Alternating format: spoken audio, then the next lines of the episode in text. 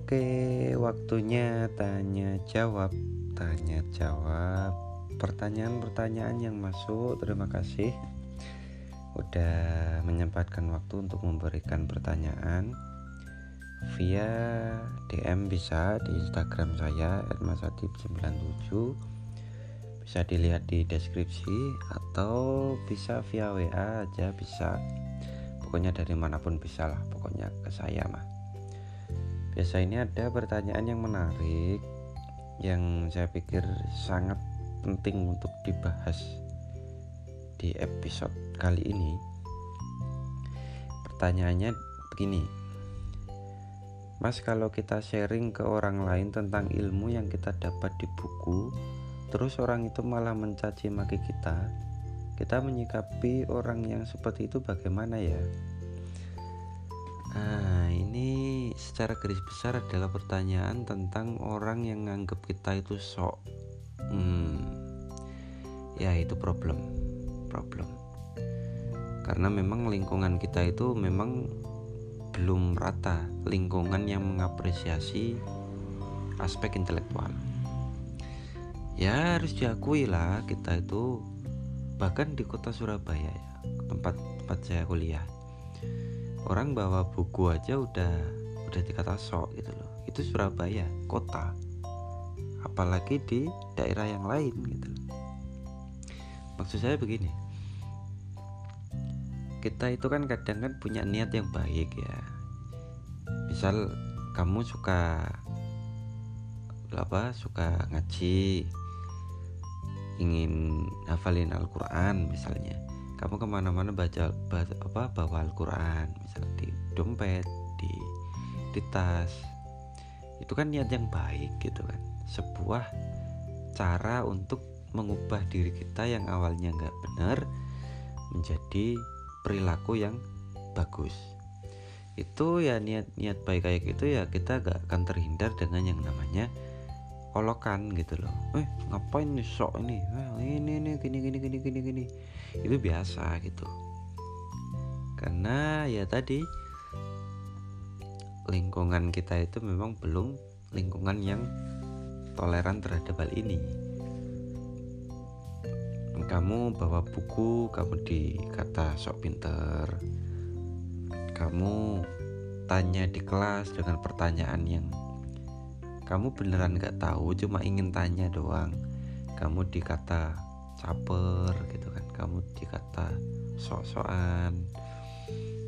Ya akhirnya mengakibatkan siswa kita itu siswa yang jadi pasif. Orang tanya aja lo gak berani. Saya itu sering gitu.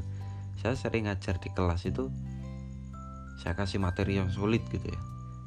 Saya, saya kan menawarkan tanya oke ada yang mau bertanya? Itu itu gak ada yang gak ada yang tanya mereka. Padahal sorot matanya itu jelas mereka itu gak paham gitu. Jadi mereka itu memilih untuk tidak paham memilih untuk bingung daripada menanyakan sesuatu yang akhirnya mereka dikata sok itu memang yang terjadi yang terjadi di masyarakat kita gitu kita pakai pakaian ini di komen kita posting begini di komen dan seterusnya dan itu gak akan pernah selesai. Makanya untuk kamu yang tadi pertanyaannya kalau kita dapat ilmu kita itu punya pengetahuan. Kita habis baca dari buku terus kita bagi entah itu via story via insta story atau story story di sosmed kita atau kita bikin status di akun-akun kita itu ya udah kita kita bikin aja dulu kita ketik aja kita posting aja. Gak ada masalah gak usah dengerin orang yang sok-sokan itu tadi. Orang yang bilang kita itu pamer kita itu sok pinter dan itu biarin aja karena memang orang yang kayak gitu memang gak akan pernah selesai. Kita itu gak gak gak akan pernah bisa menyenangkan semua orang itu mustahil makanya kita jangan naif gitu loh sebaik apa pun kamu melakukan perbuatan yang baik sekali. Itu pasti ada orang yang iri lah orang yang benci dan seterusnya. Itu biasa aja. Dan memang hidup kayak gitu gitu loh. Jadi kalau saya pribadi saya itu udah udah sejak tahun apa ya sejak ah, Januari 2018 kalau saya nggak nggak salah ingat sejak Januari 2018 saya bertekad untuk menulis story di WA memberikan pengetahuan yang saya punya. Jadi misal saya baca dari buku saya tulis di story. Akhirnya storynya itu kayak kayak spam story yang panjang gitu. Itu sama awalnya yang yang komen banyak mas Yuni sih ngapain sih gini-gini? Wih sok nih gini-gini. Kadang dikira saya sombong dikata saya itu pamer. Itu saya saya biarin aja gitu loh saya biarin. Dan saya gak peduli. Saya jalan sebulan dua bulan. Saya nulisnya hampir tiap hari waktu itu. Saya tulis misal saya bahas sosial saya bahas sejarah saya tulis semuanya panjang banget dan yang baca ya gak banyak. Yang yang kan story WA itu kan ada bisa kita lihat yang nonton yang nonton di awal sama di akhir. Kalau nonton yang di awal itu bisa sampai 200 300 tapi kalau yang nonton sampai akhir itu paling ya 15 gitu aja udah bagus. Dan saya gak kaget karena memang minat baca kita seperti itu. Saya nulis kayak gitu sampai setahun yaitu sampai masuk tahun 2019 tahun 2019 saya tambah lagi jadi dua kali sehari saya bahas banyak hal. Nah mulai di situ teman-teman itu mulai terbiasa bahkan mereka itu mulai merasa senang dengan story saya. Mulai merasa butuh dengan apa yang saya sampaikan. Bahkan ketika mereka menyadari bahwa yang saya tulis itu mereka gak baca karena kan tiap 12 malam itu saya hapus gitu. Biar paginya itu saya bisa nulis lagi nggak numpuk gitu. Itu paginya mereka biasanya minta ngulang gitu. Mas kok tadi malam kok udah dihapus? Saya ketiduran saya lupa buka dan seterusnya itu di situ saya berpikir bahwa loh ternyata banyak juga teman-teman itu yang ingin belajar dari apa yang saya pelajari gitu loh. Yang mencemooh banyak gitu. yang bilang saya sok banyak yang bilang saya pamer banyak. Tetapi juga banyak juga tidak sedikit teman-teman itu yang menunggu gitu loh karena yang saya sampaikan ini yang mereka butuhkan gitu loh saya bahas tentang teori sosial teori begini-begini saya sampaikan lebih sederhana itu selain melatih memori saya, melatih cara menulis saya, juga mereka juga uh, apa itu ada yang mengambil manfaat dari itu gitu loh. Paham ya? Jadi sejak itu saya lebih aktif nulis terus. Bahkan saya nulis di Twitter, saya bikin podcast kayak gini juga dalam rangka memfasilitasi teman-teman juga. Ternyata banyak yang butuh gitu loh makanya kita itu dianggap sok kita dianggap sombong itu biarin aja nanti waktu akan menjawab sendiri waktu akan membuktikan bahwa pada akhirnya mereka akan diam juga pada akhirnya akan banyak orang yang mengapresiasi kita yang menunggu kita yang menghormati kita yang justru meminta kita menyampaikan lebih.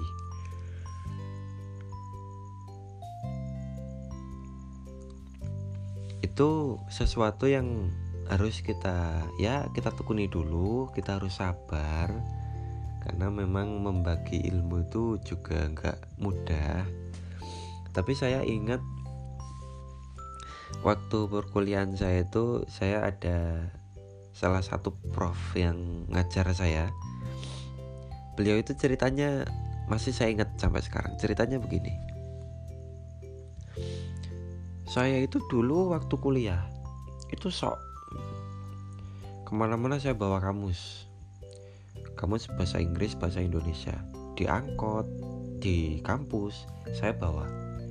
Meskipun ya saya bukannya jarang-jarang dalam arti di sela-sela kesibukan.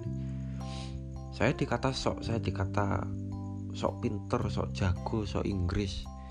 Tapi saya biarin aja. Karena saya ingin menjadi orang besar saya ingin kuliah di luar negeri. Saya harus bisa bahasa asing.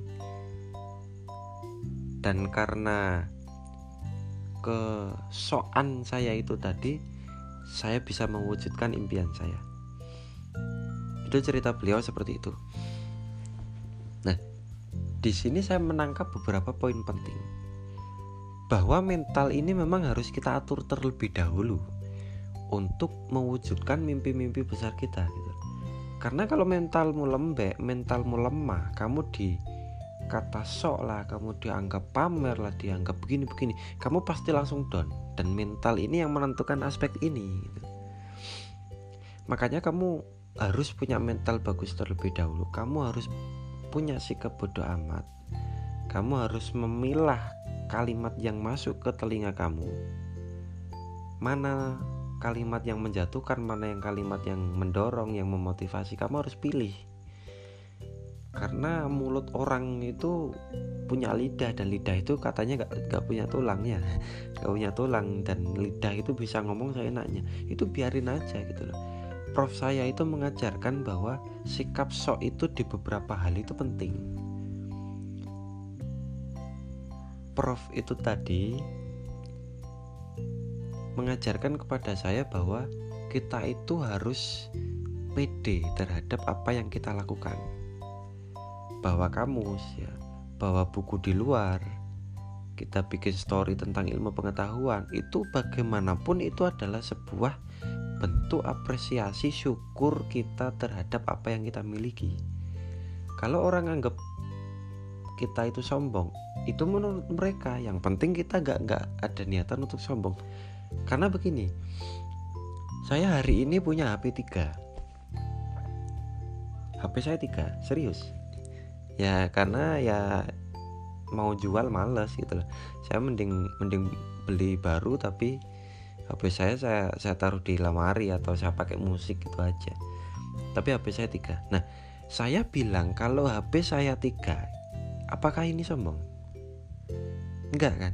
Ini fakta. Saya memang punya tiga itu kalau saya punyanya satu tapi saya bilang lima nah ini namanya bohong kalau saya bilang uh HP saya paling canggih sedunia. Nah ini baru sombong merendahkan. Soalnya faktanya ada HP yang lebih bagus gitu loh.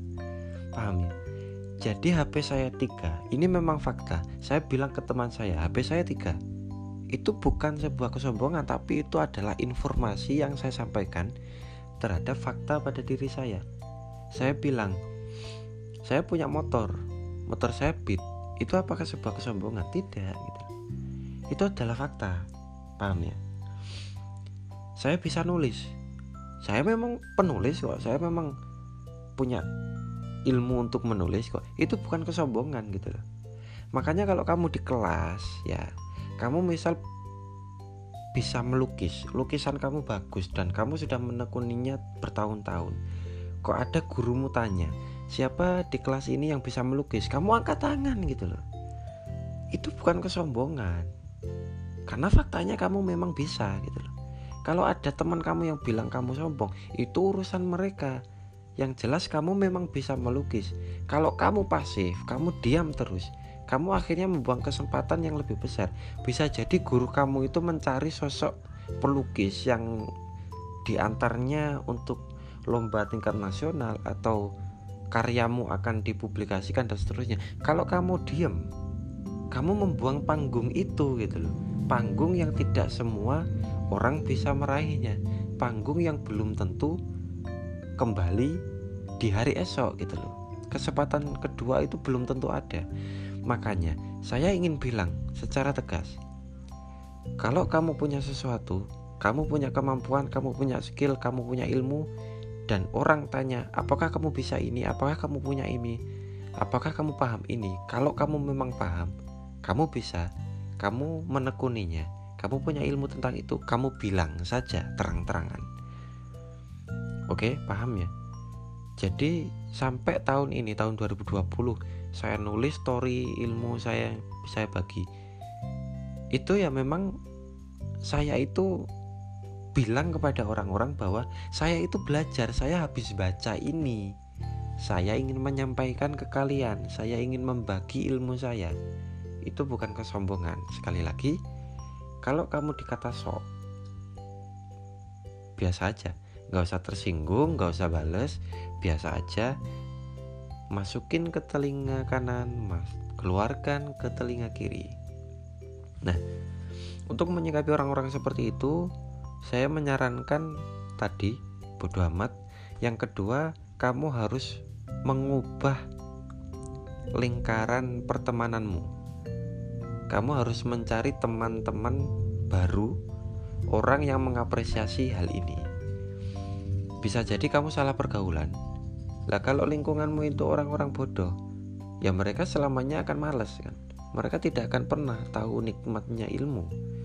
Maka carilah orang berilmu di luar sana yang bisa kamu ajak dialog, kamu ajak diskusi, yang bisa kamu ajak bertukar pikiran, yang bisa kamu sampaikan sesuatu dan dia itu tidak bilang kalau kamu sok. Banyak banget orang di luar sana yang ber, berpikiran dewasa yang bisa kamu ajak bertukar pikiran seperti itu. Temukan, cari komunitas, cari organisasi, keluarlah, jangan mulu di kamar, jangan mulu berdiam diri, kamu harus mencari lingkungan yang sesuai dengan apa yang kamu butuhkan. Jadi begitu untuk pertanyaan kali ini.